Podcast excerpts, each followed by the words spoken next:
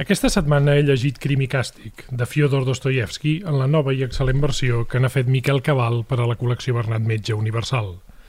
Avui a l'illa de Mayans parlem d'un llibre venerable, una obra que, per norma de l'imaginari occidental, no és només un dels volums senyera de la literatura russa, sinó allò que per consens anomenem un clàssic universal – i ho és perquè a través de les seves quasi 700 pàgines Dostoyevsky ens hi obliga a pensar d'una nova forma l'ontologia del crim, de la culpa, de l'atzar i de l'arbitrarietat com cap altre escriptor havia gosat fins a aquest llibre, que és també un dels primers exemples de novel·la polifònica.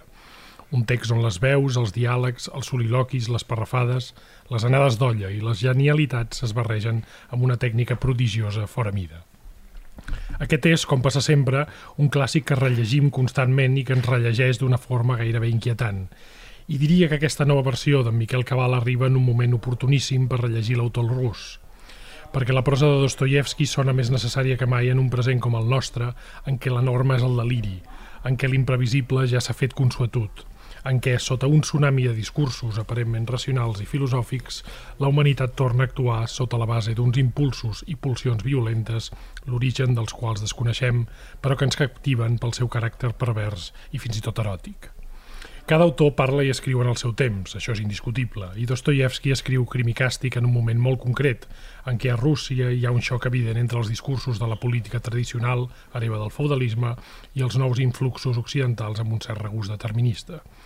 Per als nostres temps també es poden rellegir o entendre un pèl més a través de la bogeria o de la lucidesa de Raskolnikov, de la marginalitat espantosa i divertidíssima de la seva caterva d'amics pretesament intel·lectuals i també des de l'aparell burocràtic que intenta de vegades analitzar la conducta d'un assassí que mata una velleta usurera sense saber ben bé per què. A servidor de Dostoyevsky el fascina precisament aquest punt, la descripció d'un món en què els discursos adquireixen una complexitat de catedràtic, però en què les decisions continuen originar-se a l'estómac, a l'inconscient, i que deriven al seu torn en una societat de folls, buròcrates i gent que en general viu permanentment ofesa i li encanta airar-se. Aquesta setmana he rellegit Crim i Càstig, una obra de Fyodor Dostoyevsky que en Miquel Cabal ha fet seva, però no ho he fet sol. Amb mi ho han fet la crítica Marina Porres i l'escriptor Jaume C. Pons a l'Orda. Soc en Bernat de Déu i sou a l'illa de Mayans, el podcast Dona Llibre. This is my island in the sun Where my people have toiled since time begun. I may sail on many a sea. Her shores will always be home to me. Oh, island in the sun, built to me by my father's hand. All my days I will sing in praise of your forest waters, your shining sun.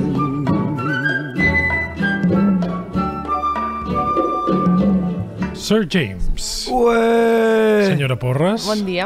Doctor Cabal, com estem? Hola, com anem? Ho he dit a, a la meva introducció, no només és una de les obres fonamentals de la literatura universal, un clàssic, sinó també una obra que llegim en un present molt determinat i que fa de molt bon llegir eh, avui en dia. Volíem parlar amb en, amb en Miquel perquè traduir Crim i Càstig suposo que ha de ser un carmel, però també ha de ser una temeritat. Quan t'ho encarreguen, què fas? mm, és un carmel, anava a dir un carmel enverinat, però no és enverinat, en realitat és és un carmel aspre, si vols, però no, no arriba a ser enverinat.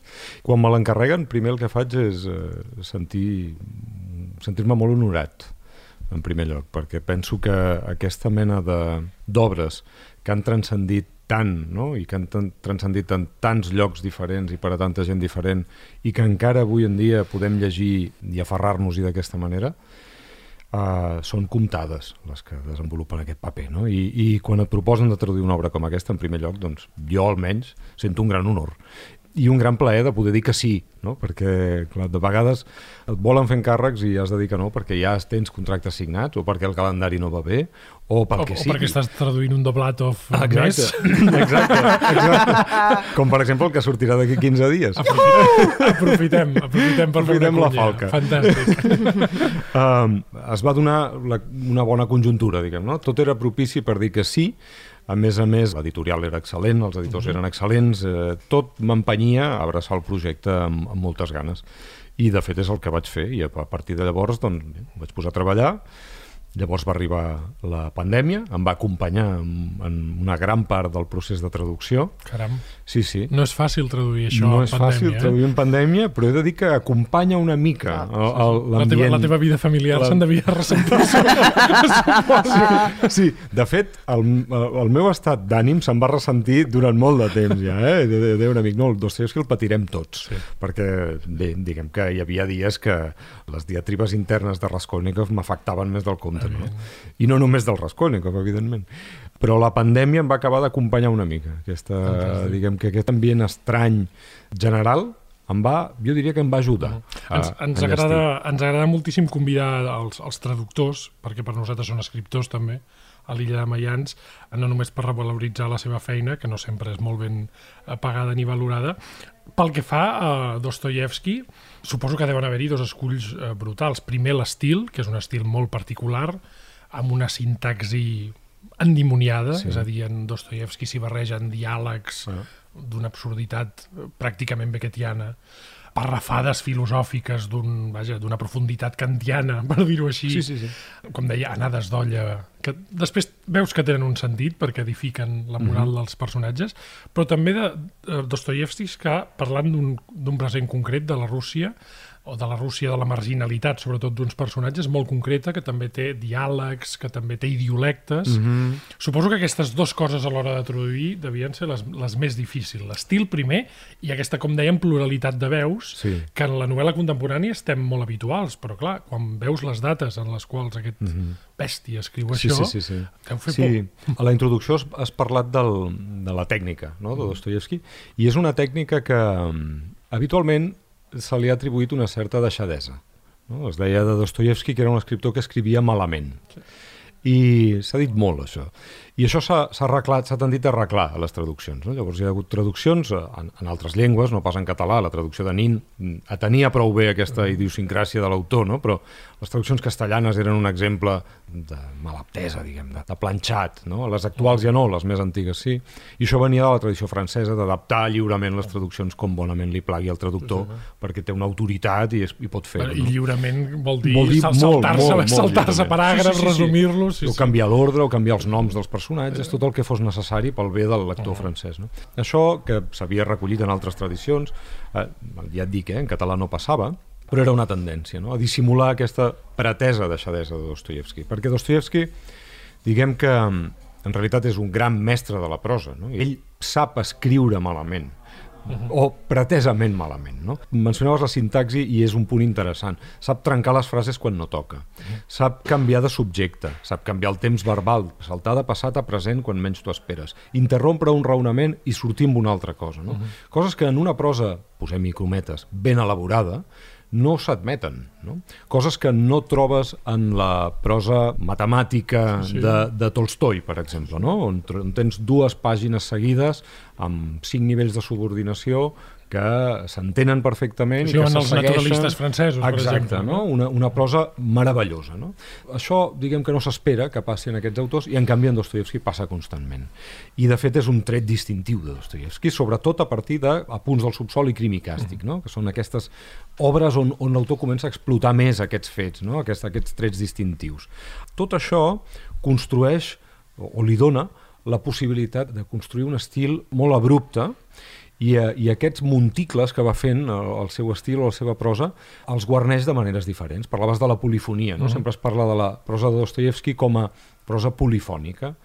Aquestes veus diferents, ell les construeix amb matisos diferents, amb monticles diferents, no? amb sotracs diferents, i això es nota molt.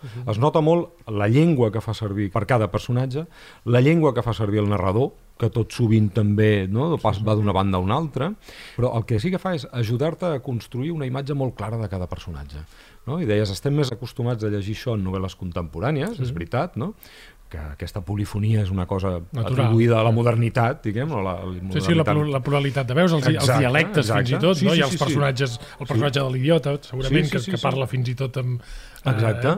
en, en un català no normatiu, Sí, diríem ara, sí, sí, sí, o la sí. pagès, per Sí, exemple. sí, sí. I en el cas del crim i càstig, doncs tens la minyona de la casa on viu el Raskolnikov, que parla amb una llengua col·loquial i esquitxada de dialectalismes, però també els manobres, els pintors que arreglen el pis de sota la vella, també parlen amb la llengua, amb un, amb un rus que és el del poble on Dostoevsky estiuejava de petit. No? Llavors, aquí també des la seva marca personal i després mencionaves aquest eh, positivisme determinista no? de l'època Eh, els comissaris, Exacte, sobretot, no? encarnat amb el. Porfiri Petrovich, que és un tio que construeix el seu discurs en base a una llengua molt ben articulada, no? i plena de paraules modernes, i plena de construccions clares, no? i que no permeten dubtar. No? Per tant, Dostoyevsky sap també parlar d'aquesta manera, no? perquè al final, a partir de la construcció polifònica, el que aconsegueix Dostoyevsky és que tu no tinguis mai clar quin és el seu posicionament.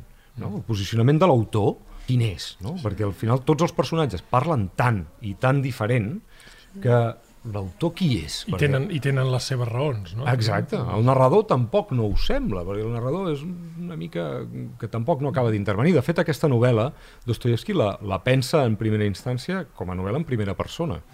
Després se li complica la història perquè hi integra la història de la família Marmeladov, de la desgraciadíssima família Marmeladov.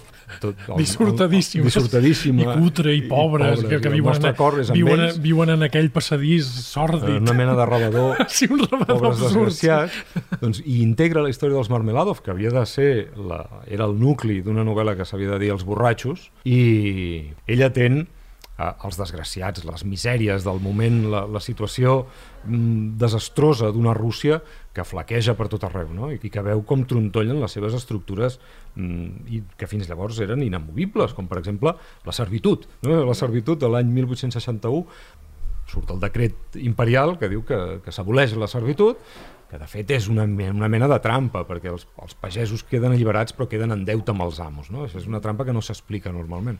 Vull dir que han d'anar tornant el que han guanyat tota la vida i han de pagar la terra que els hi queda i han de pagar-ho tot. No? Al final acaben morint igual de pobres, igual de subjugats, però ja no són serfs. No? Doncs bé, comencen a veure que tot trontolla, que hi ha uns aires de modernitat, aquesta que hem dit, del, del positivisme determinista de la, de la ciència, la medicina, la, la psiquiatria, són coses noves en aquell moment. No? La religió trontolla, no?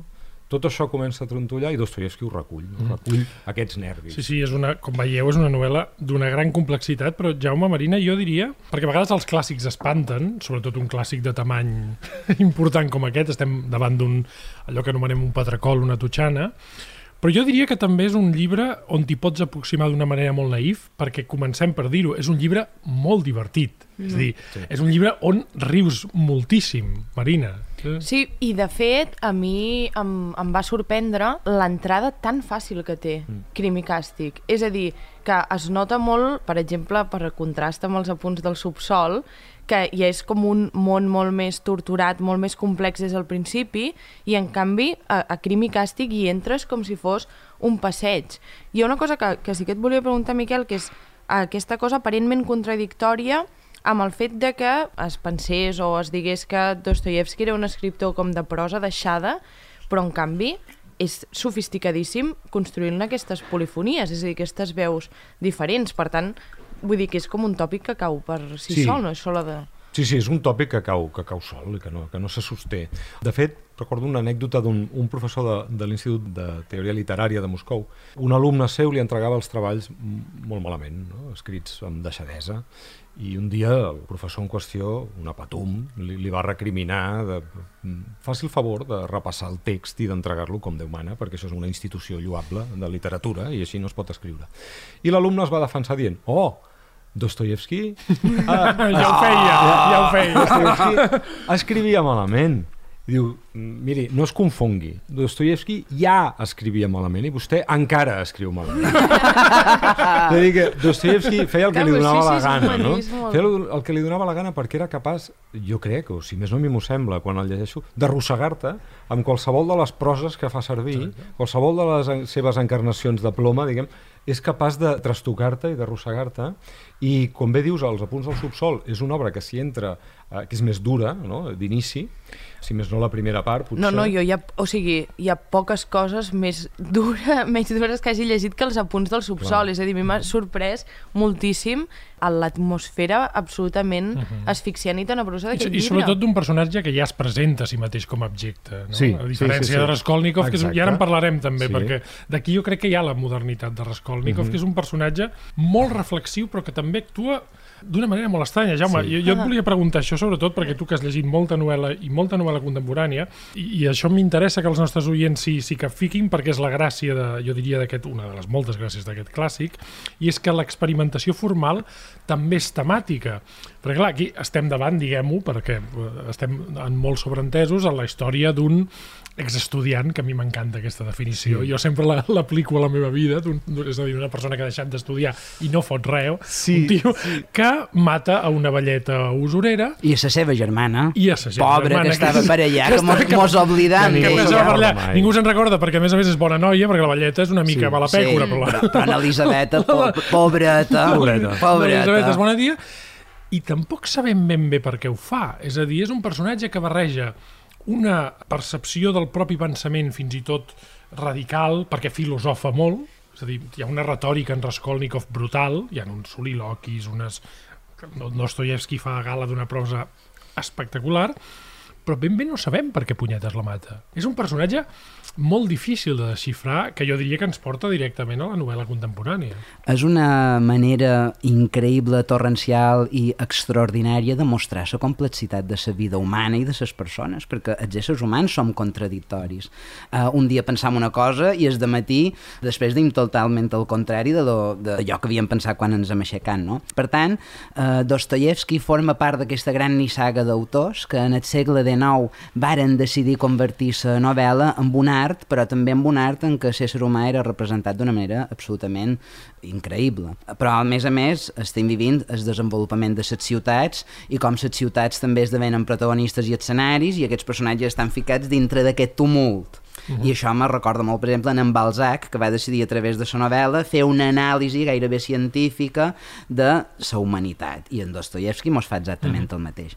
És un text modern i per això jo crec que tothom l'ha de llegir. I jo sé que la gent diu, oh, crimi càstic, aquell totxo, no sé què. És un llibre, no direm que és fàcil, perquè les coses fàcils tampoc no mos agraden, però és un llibre que segurament porta tota una història al darrere que farà que més d'un s'espanti abans de- d'enfrontar-s'hi. I la Casa dels Clàssics crec que està fent una gran feina de recuperació d'obres que són imprescindibles per entendre'ns a nosaltres i la nova traducció que ha fet en Miquel Cabal és absolutament meravellosa. I un convi fantàstic enguany que se celebra el bicentenari de l'autor d'entrar-hi per primer cop i no fa falta dir, no, eh, l'he rellegit perquè els clàssics no se llegeixen per primer cop. Els clàssics ja se, se rellegeixen, no? Doncs no, no, jo aquí reconec obertament que no m'havia llegit mai Crimi Càstig per aquesta por. Sí, sí. I en canvi he al·lucinat i m'ha encantat. I de fet jo ja venia una mica angoixat de la traducció de Punts del Subsol, que quan vaig llegir la primera edició fa molts anys, que la vaig comprar precisament a l'Helio Gabel, que tenien allà un aparador sí, amb, sí. amb bons treballs d'en Miquel,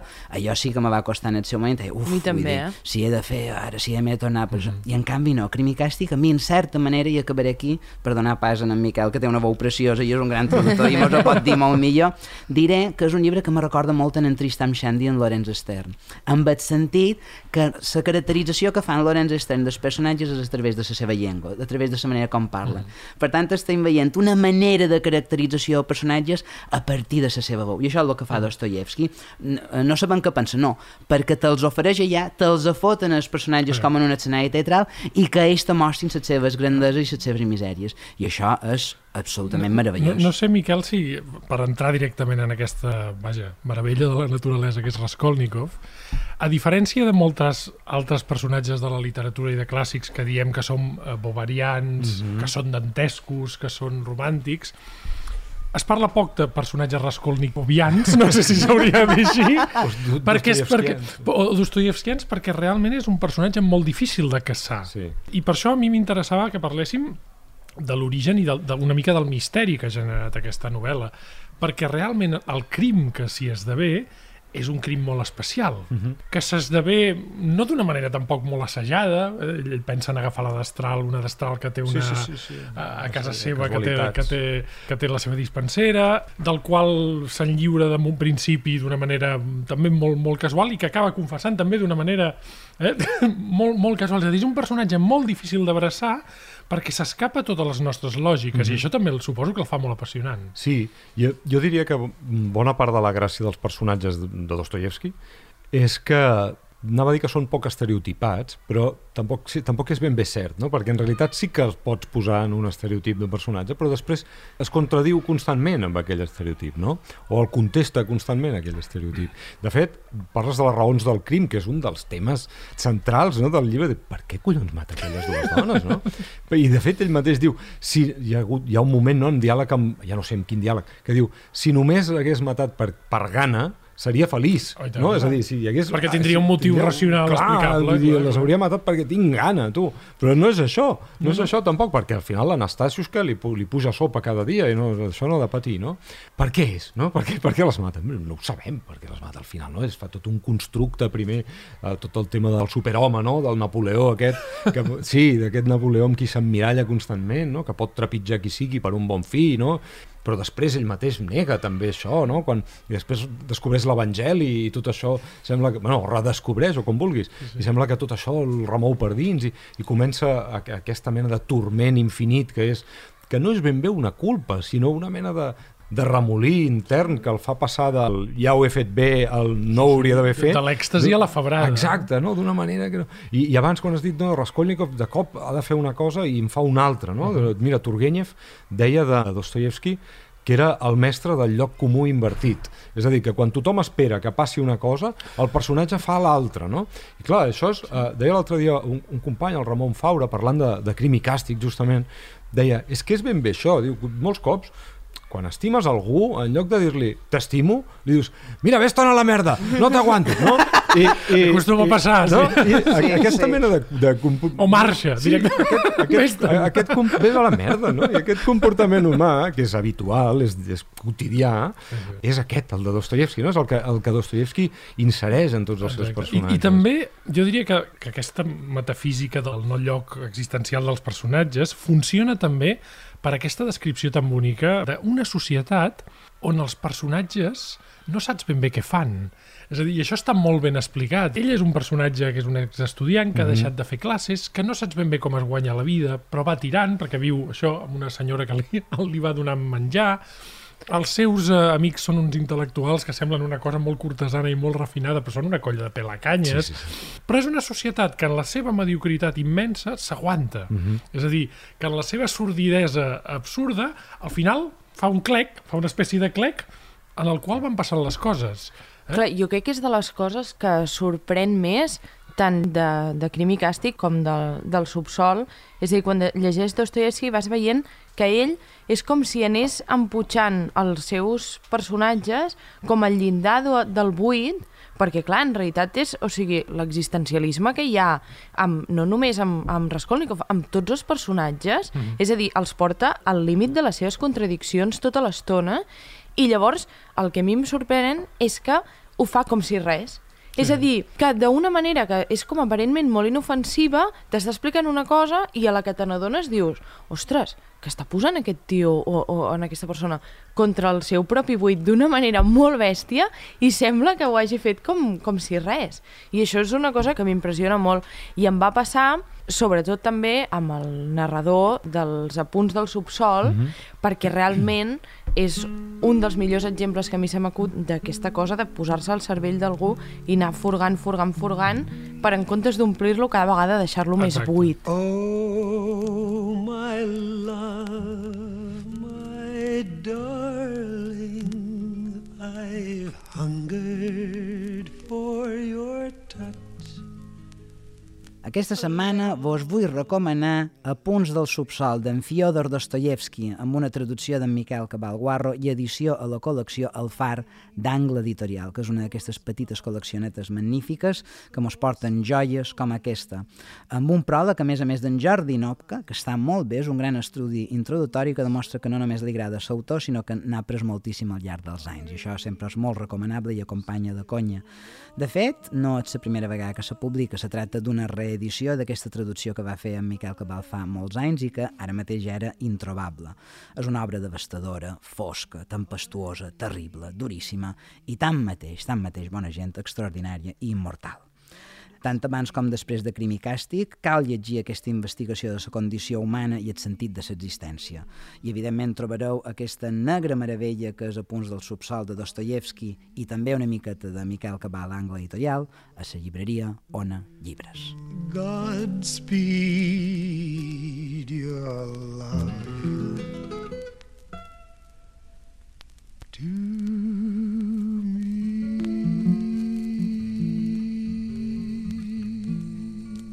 Sí, la primera part del subsol és molt dura És duríssima. sentit i, i, i a més et deixa una taca com difusa, no? I Total. no acabes de saber ben bé què passa. Després hi ha la segona part, que lliga més amb el crim i càstig, jo crec, no? Sí, que sí, hi ha, hi ha totalment. aquestes escenes... Bueno, introdueixo el tema perquè ara no sé ben bé qui ho ha mencionat primer, però a, aquesta mena de- d'escena de, de la quotidianitat com alegre, no? Que tu has dit, no? Era una novel·la divertida, que hi ha escenes... Sí, sí, com sí, mica molt risibles, Molt- sí, sí, sí. Doncs, Home, eh, les discussions metafísiques, hi ha, hi, ha, hi ha un moment, per exemple, quan Raskolnikov ja ha fet el crim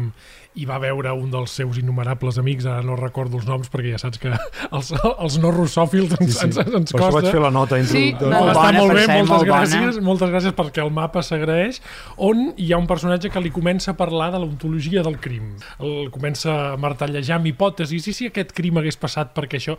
I llavors Raskolnikov, que recupera una mica el seny, comença a fer una conversa filosòfica Sí. sobre el crim, diríem, d'alta volada. Sí, sí, sí. Però clar, quan tu t'imagines la situació amb, amb Raskolnikov mig enfebrat, perquè clar, el tio Ah, clar. comença a, estar un, un pèl ruït per la culpa, comença a agafar aquelles febrades, tal, clar, pixes de riure, perquè dius, Sí. què foten aquests tios fent una tesi doctoral Sí. en una habitació sòrdida, com, com si estiguessin a Versalles. I alhora no pots riure mai del tot. Clar, perquè és- perquè és- tan perquè és monstruós. I, i amb això passa amb el, també l'entrada aquesta que té a la casa de la família aquesta dels, dels borratxos. Sí. Que és que és com si no fos res i dius, ostres, és que és molt bèstia lo fatal que és, És tota aquesta bèstia. situació. O sigui, que estàs llegint i sembla que no sigui res i clar, que pares un moment i dius hosti, aquest tio, quin cervell més fosc, No, no, saps? és molt dur. El, el retrat de la... Deia el Jaume abans, no? el naixement de les ciutats, en aquell cas, Mhm. eh, clar, la Rússia imperial és un... La població era eminentment rural, no? I en aquest moment comencen a créixer els nuclis urbans, en especial la capital, que era Sant Petersburg en aquell moment. I les grans finques aquestes que, que comencen a rellogar-se, perquè justament pertanyien a una noblesa que amb l'evolució de la servitud, doncs de cop molts d'ells eh, s'han empobrit. Ha vingut a menys i, que, i Exacte. rello, d'anar parts de les seves cases. oi? Parts i, i subparts de les cases, no? I acaben rellogant els més desgraciats dels desgraciats al rebedor, no? I allà tens aquelles escenes terribles, no? que els nens petitíssims estan mig despullats plorant pels racons, l'home arriba borratxo a casa, la dona està tísica, no? que es morirà al cap de poc, i en canvi tens tots els veïns o els altres rellogats traient el cap per la porta rient, de mira, ja tornen a ser... Apareixent del no-res, Apareixent del perquè la gent, la gent, clar. una de les coses I boniques d'aquesta sí. novel·la és que la gent arriba a les cases Exacte. allò, Sí. sin previo anuncio, I, diríem. hi, ha, hi ha coses que, que anticipen també altres elements de, de la modernitat del text. Per exemple, hi ha personatges que de cop desapareixen de l'acció però no marxen de l'acció, no? molt, molt txejovià en aquest cas, no? Sí, de, sí. de dir, hòstia, és veritat, l'Anastàcia encara hi era aquí, no? De cop torna a intervenir, dius, i què ha fet tota aquesta estona, no? Ara t'has de reimaginar l'escena amb aquella dona allà que dius, hòstia, em pensava que ja la, me l'havia tret del camp, no? I al final acaben creixent unes escenes corals, que n'hi ha unes quantes Sí. al llarg de l'obra, que són un punt felinianes, no? I, Sí, sí, sí. i que els personatges són portats a l'extrem i que tu estàs rient de coses que no fan riure i Mhm. que al final Dostoyevsky ho sap. De fet, és una prosa molt tremendista en aquest sentit i durant molta estona té una gran càrrega semàntica i Dostoyevsky és fonamental per la literatura del futur. A mi m'agrada explicar, per exemple, que en Nietzsche, a partir de la lectura en Dostoyevsky, sobretot de Crim i Càstig, fomenta la seva teoria del superhome, d'aquest ésser que no se pot identificar en cap moral, evidentment amb la moral cristiana totalment abolida perquè Déu ha mort, no? Les disquisicions filosòfiques d'en Raskolnikov, a través de la influència d'en Napoleó i la seva obsessió, plantegen que hi poden haver éssers superiors i éssers inferiors, que els éssers superiors poden decidir damunt de la vida dels altres. I en un que, és, principi... que és una de les discussions que, que es veu, Exacte. en, en, en, és la discussió de la qual jo parlava, no? els éssers especials. El, A partir d'aquí, clar, es, per, per això ell se considera amb, amb el dret no, sinó amb l'obligació, l'obligació de en aquest ésser menys preable a la societat que fa més mal que bé. I això és un tema filosòfic molt important, sí, sí. és un dilema ètic per dir aquelles persones que a la societat fan més mal que bé, què hem de fer amb aquestes persones? Clar, i t- Crim i Càstig parla d'això tota l'estona. Nesvaig, per exemple, de que les converses d'en Raskolnikov són de la millor literatura que existeix, i això també és molt important. I, de fet, el crític, investigador i escriptor Walter Kaufmann considera que el que comença plantejant Dostoyevsky d'aquest animal burocràtic del funcionariat, Mm, en Kafka ho porta a l'extrem a les seves sens obres. Hi ha molta influència també d'aquesta personalitat transmudada, devastada i sobretot negligida a la transformació o la metamorfosi d'en Kafka, per exemple, amb aquest subjecte que se va plantejant els dubtes tota l'estona. Abans, I la hipocresia. I la hipocresia, abans evidentment. La, la Marina parlava d'aquesta naturalització de, de la crueltat, sí. no? que s'esdevé en aquest llibre i en, i en altres paratges de Dostoyevsky. A mi hi ha una cosa que m'interessa molt, que és una espècie de metàfora, o és un objecte que es veu en tota la literatura russa per naturalitzar aquest semiestat així de, de consciència que és la crueltat, que és l'alcohol. I tant. A mi, eh, suposo que d'això n'hi deu haver-hi I tant, 70.000 tesis doctorals, no? però per mi l'alcohol és un, vaja, és un sedant uh -huh. fonamental en tota aquesta literatura, Sí. perquè els personatges moltes vegades estan borratxos, Sí, sí, sí. però els borratxos no són els pitoffs que diuen xorrades, sinó uh -huh. l'alcohol s'utilitza, en certa manera, per equilibrar els excessos uh -huh. i per naturalitzar aquesta, això que deia ara en Jaume, no? una mica aquesta societat de superhomes que no ho són, aquests diàlegs impossibles que es van, d'alguna manera, això naturalitzant. I, i finalment tu també quan llegeixes Dostoyevsky, quan llegeixen a, a altres autors russos, d'aquí uns programes parlarem també de Bulgakov, mm -hmm. naturalitzes la prosa, és a dir, aquesta varietat de, de, la, de la prosa, mm -hmm. no? com un factor de... pràcticament com la colònia. La colònia del, de les novel·les russes és l'alcohol. Sí, i de fet, bueno, eh, és això que us deia abans, que, que Dostoevsky tenia la intenció d'escriure la novel·la Els borratxos, no? Sí. justament perquè l'alcohol ha estat, és, i jo crec que encara serà durant molt de temps, un problema social enorme a Rússia. Eh? És un problema és un, un, un problema que genera molts altres problemes. No? no sembla que vagi a menys, sinó al contrari, per més que, per exemple, s'hagin pres mesures com eh, prohibir la venda d'alcohol a partir de determinada hora a la capital... Que, és- que és una cosa que sabem que mai no funciona, Que mai no des- des, funciona, des, des dels no? anys 20 del Exacte. segle passat. Però l'ú- l'únic que han fet amb això és Sí, sí. expulsar els, els borratxos que s'arrossegaven pels carrers de Moscou, expulsar-los del centre i que visquin a la perifèria, no? però no han eliminat el problema, l'han fet fora del centre, que ara sembla Copenhagen, però no ho és. No? Aquesta Bueno, i és a la- més un Copenhagen per pijos, no? Sí, sí, sí, exacte, exacte. Per, per, sí, sí, vaja, sí, per sí. pijos I un. Copenhagen net, imagina't. Sí. El problema de l'alcohol, que mm, diguem que ve de molt lluny, bé, i, i Dostoyevsky se n'adona i el vol abordar perquè veu que és un problema eh, substantiu i un problema inherent al seu país, que al final ell escriu dels problemes de casa seva, no? de, perquè Dostoyevsky visita Europa moltes vegades, no només mogut per la seva ludopatia, sinó per altres motius, també mogut per una passió per, per una dona i, i, i també perquè volia conèixer què passava a l'anomenat Occident, no? que se'l posava com de mirall, però tornem a parlar no? de l'entrada d'idees modernes, d'idees positivistes. No? Mireu a Occident, no? mireu a Londres, mireu a París com ho tenen. No? Ell se n'hi va i diu... Sobretot via francesa, suposo, Sí, perquè sí, la, la sí, cultura sí. russa sempre ha tingut un... Sí, o Alemanya, eh, Eh, també. Alemanya. Sí, sí, Alemanya. I se'n va, se'n va cap allà i ho veu i diu, perdó, però aquí estan pitjor que allà. Vull dir, estan pitjor que allà perquè aquí no els hi queda ni la fe. No? Aquesta és la, la idea que estan Clar. pitjor que els russos perquè ja no creuen ni en Déu. Com s'han de salvar aquests desgraciats, Sí, sí. no? I, Tot és possible, no? Clar, llavors- aquella, aquella famosa frase, no? De si no, Ah, hi, ha la, mateix. si no hi ha la Ah, si no- divinitat... ah, això mateix. Això, si no hi ha si norma... tot està permès, tot, no? Tot està De- permès. dels Karamazov. Se'n torna a Rússia amb la idea que el seu país s'ha de poder salvar gràcies a la fe, no? I de fet aquesta és la seva idea al final de la seva vida. Comença simpatitzant molt amb els socialistes Mhm. i n'acaba renegant fortament justament perquè abandonen eh, tot el que és eh, tot el que per ell té més sentit que és el que és sagrat, no? Els borratxos, en aquest cas, tenen, un, jo diria, a la, a la, a la, en aquesta novel·la i a tota la literatura, tu has parlat en general no? de la literatura russa, d'una banda ens permet retratar els desgraciats dels desgraciats, no? que són aquests que surten a Crim i Càstig, la família Marmeladov, per, per, com a exemple, i d'altra banda, i lliga més amb el que tu deies, ens permet usar alguns oracles en els textos. No? És a dir, l'alcohol com a aquesta ebrietat del text com a idea transcendent, com a un que diu veritats, però unes veritats Sí. que no som capaços de, de, ni d'entendre, ni de... No? Sí, una, una il·luminació Sí, unes il·luminacions. fruit de la droga, no? que és l'alcohol. Sí, sí, sí. clar. I això passa, per exemple, també amb, amb Doblatov, no? que l'has mencionat abans, el, el llibre El Parc, que és el llibre on ell toca fons com a alcohòlic, perquè fins llavors, diguem, a la seva obra rius molt del fet que sigui un borratxet, Exacte. fa molta gràcia que s'arrossegui amb els seus Fins amics que te n'adones de les- de les conseqüències, sí, fins sí. que veus realment que el tio està, com Raskolnikov, arraulit eh, entre uns arbustos eh, amb una ampolla de vodka i que s'hi passa dos dies i que no sap ni què fa ni on és. I peeked in to say good night. Aquesta setmana, que parlem de crim i càstig, us vull recomanar una altra traducció de Miquel Cabal, que és Vetlles en un veïnat de Dicanca, de Nikolai Gogol. És un text que va publicar l'editorial Males Herbes i que té un pròleg de Ricard San Vicente.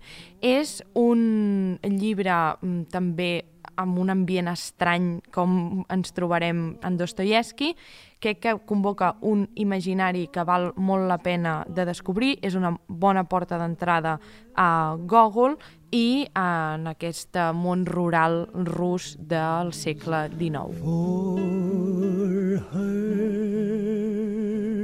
hair.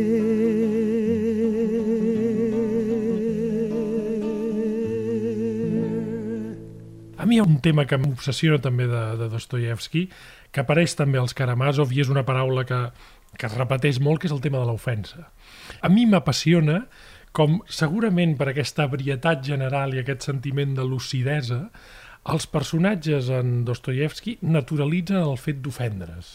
És a dir, bé, de fet, l'ofensa és, un, és, una, vaja, és una paraula que no és aliena mm -hmm. a fins i tot a un títol de, de, de, l'obra dostoyevskiana, Sí, sí, sí. humiliats i ofesos, ofesos.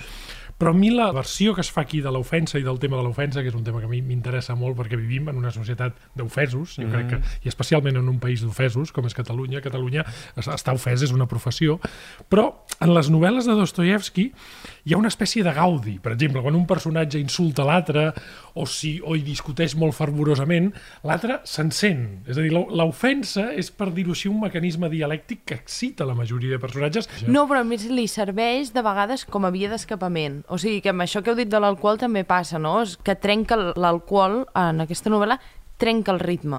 És a dir, d'alguna manera, eh, Dostoyevsky té tècniques no, per trencar el ritme, amb l'alcohol passa que quan s'entra, a més, la taverna ja és com tot un ambient diferent, per tant hi entrem com a una altra moda de coses, i per trencar el ritme jo crec que hi han discussions d'aquestes que ho permeten, és a dir, sí. les discussions, com que, com tu dius, la- l'ofensa com apuja el, el to, no? i que et serveix per veure molt bé Però, mai, la la, però la sang mai arriba al riu, no, en general. però et serveix per veure molt bé la distància entre els que els personatges pensen i després fan o la diferència entre el que té un al cap i el seu contrincant, diguéssim, té al cap, o sigui, com les diferències entre, entre ells a partir d'una tècnica que és aquesta escalada sí. de discussió. I està bé que, que mencioneu aquest tema perquè, a banda dels ofesos, retrata molt bé els ofensors. No? Sí, sí, Aquesta és la, clar, uh, perquè sempre parlem dels ofesos, però perquè hi hagi un ofès hi ha d'haver un ofensor, en aquest cas. No? En el cas de Dostoevsky, el joc dialèctic sempre és entre l'ofensor i l'ofès, no? I potser Crim i Càstig no, no aborda tant el tema, però en d'altres obres sí que és aquesta gent pobra, aquí Dostoevsky atén tant, no? Sí, els humiliats. Que aquests són els humiliats i també són els ofesos perquè se'ls se ha faltat el respecte com a sérs humans, no? I, I els ofensors són aquests altres, és el, el mateix comissari, el mateix Porfiri Petrovich, és el que intenta ofendre constantment el Raskolnikov, no? Però el Raskolnikov també pot exercir d'ofensor, Oh, no? I llavors en aquests xocs dialèctics eh, boníssims, no? entre dos ofensors quan es posen en paper d'ofensor, és quan tenen aquestes disquisicions tan llargues, que són, que són vivíssimes, no? i que sempre acaben en, en taules, al final, no? Perquè, clar, no hi ha manera de Sí, sí, hi ha, solucionar-ho. hi, ha, hi ha, com et deia al final, un equilibri misteriós Sí, sí, sí. que dius, hosti, això està a punt de petar. Fins i tot hi ha, hi ha unes costums socials extraordinàries que dius, per exemple, quan organitza un dels amics de Raskolnikov una festa, però veu a Raskolnikov tan fotut que se'n va Se'n de la va, festa. va, sí. I, I això, Sí. penses, hòstia, aquest tio ha muntat una festa al seu pis i de sobte fot el camp. Sí, sí.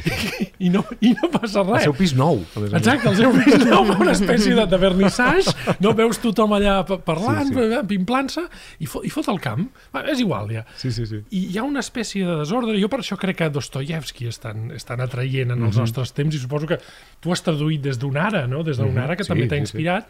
Jo veig molt en el nostre present aquesta idea del discurs racional en temps pandèmics, això ha estat presentíssim, no? Clar. Les rodes de premsa maratonianes Ah. dels polítics, l'exaltació de la norma burocràtica, que si vostè vagi a dormir les tal, que si no surti de casa tal, però sota les quals hi ha una pulsió del poder, una pulsió sí. cega, sòrdida i delirant, i també una capacitat nostra de submissió sí. i de sentir-nos ofesos, però en el fons no fer res, sí.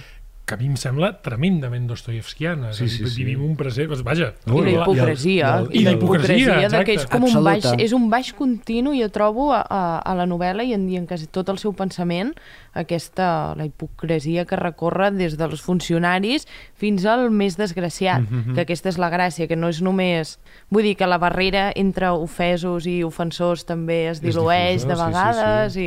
i... Lligant-ho amb el que deies tu ara, Bernat, el debat sobre la, el valor de la vida humana el vam tenir també a l'entorn de la pandèmia, no? Sí, sí. Ah, Sí, sí, sí. Seguint models de ah, que es morin els dèbils és igual, no? Perquè, vull dir, això també es, també es deia, també se sospesava això. Per tant, diguem que hi ha una sèrie d'elements que realment vinculaven el, el llibre amb el moment en què jo em trobava traduint-lo i que a més a més, clar, jo, jo tradueixo això tinc l'ajuda de molts paratextos, no? Hi ha moltes coses que parlen de crim i càstig, no? I que jo he llegit al llarg dels anys i, i autors referencials que han fet estudis i clar, i tot això ja ho conec, això és jugar amb, jugar amb avantatge. I, I de fet, perdona, caiem, per, per tot això que deia, caiem en la trampa dostoyevskiana tan ben feta de que en el fons al final a nosaltres tampoc ens importa la persona que ha mort i menys la seva germana. Abans Exacte. dèiem Sí, sí, la sí. vella i l'Elisabeta. Clar, Sí. eh, és bo fer aquesta acotació perquè al final d'aquella pobra noia que a més és, ningú se'n recorda perquè nosaltres estem tan embrancats Sí, sí, sí. I, i això també seria un tema molt pandèmic. No estem tan embrancats en el toc de queda s'acaba aquí o s'acaba Sí, allà sí, o sí. si podem obrir, que ens descuidem del, del factor humà Sí. d'una sèrie de decisions i una sèrie de diàlegs que es donen a la nostra realitat i que tenen un substrat que al final són la vida humana. I això Dostoyevsky és genialíssim. És bonic. És, a dir, ens agafa del fetge i, en, i ens diu, eps, Sí, tu sí. també pots pensar No, no, així. i, i això de, quan t'has acabat el llibre dir, sí, però te'n recordes de la Elisabeta?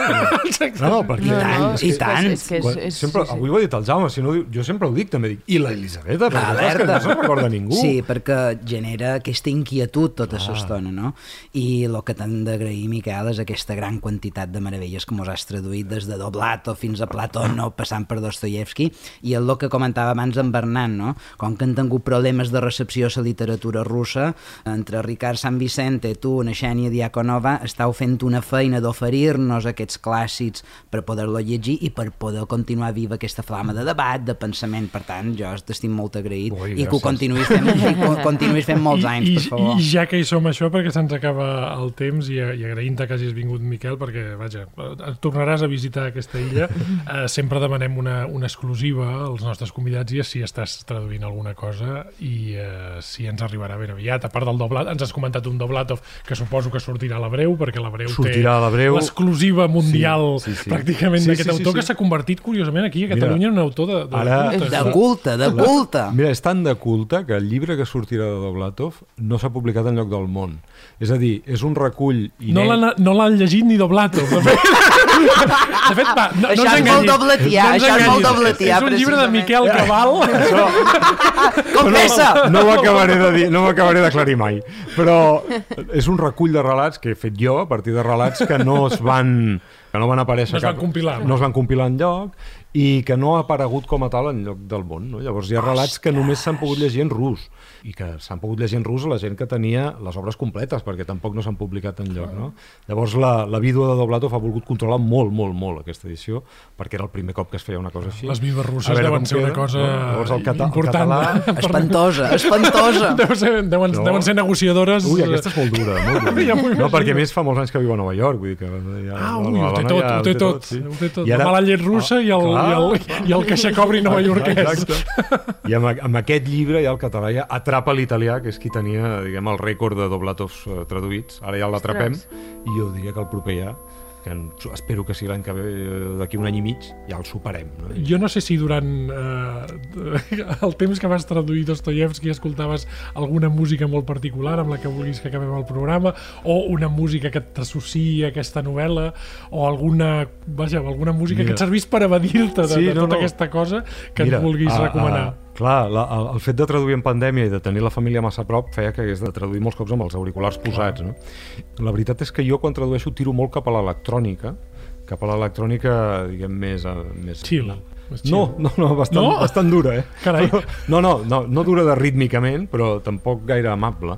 Uh, tiro més cap a Alba Noto i compositors d'aquest tipus que fan una electrònica molt concreta i no m'estic tirant el rotllo ni res, eh? No, No, és no, el que no, escolto no. habitualment. M'agrada molt, molt la música electrònica i aquesta sí que més explorativa. I mm, més ambiental però no suau, no? amb un punt rítmic i el, el Dostoevsky vaig trobar que lligava molt justament amb unes peces d'Alba Noto que, que em van acompanyar moltíssim i me les posava i me les repetia perquè tenien un punt rítmic i una foscor que anaven, anaven enriquint la cosa. I després Doncs- un, una altra obra del, del Noto en col·laboració amb el Ryuichi Sakamoto que ja era, diguem, quan ja ho tenia això llest ja m'acabaven de- d'alegrar el dia. Doncs escolta, la, la posarem i, i vaja, ànims amb els Doblatovs. Eh, ja ets el cònsul de Doblatov a- Mundial. a Catalunya. Suposo que Vladimir Putin al final et donarà una condecoració A veure, a veure, a que no veure. sé, si és, no sé si és un honor o un perill. Ah, això no s'ha mai. Perquè les coses que s'injecten des de Rússia no sempre mica- Que, són... que Putin et doni coses, jo no, no me'n referia. ja, no És saps mai, no? És inquietant, però És bo i dolent alhora. en qualsevol cas, moltes gràcies per visitar-nos i espero que tornis ben aviat. I Jaume, Marina, moltes Ué. gràcies, com A sempre. vosaltres.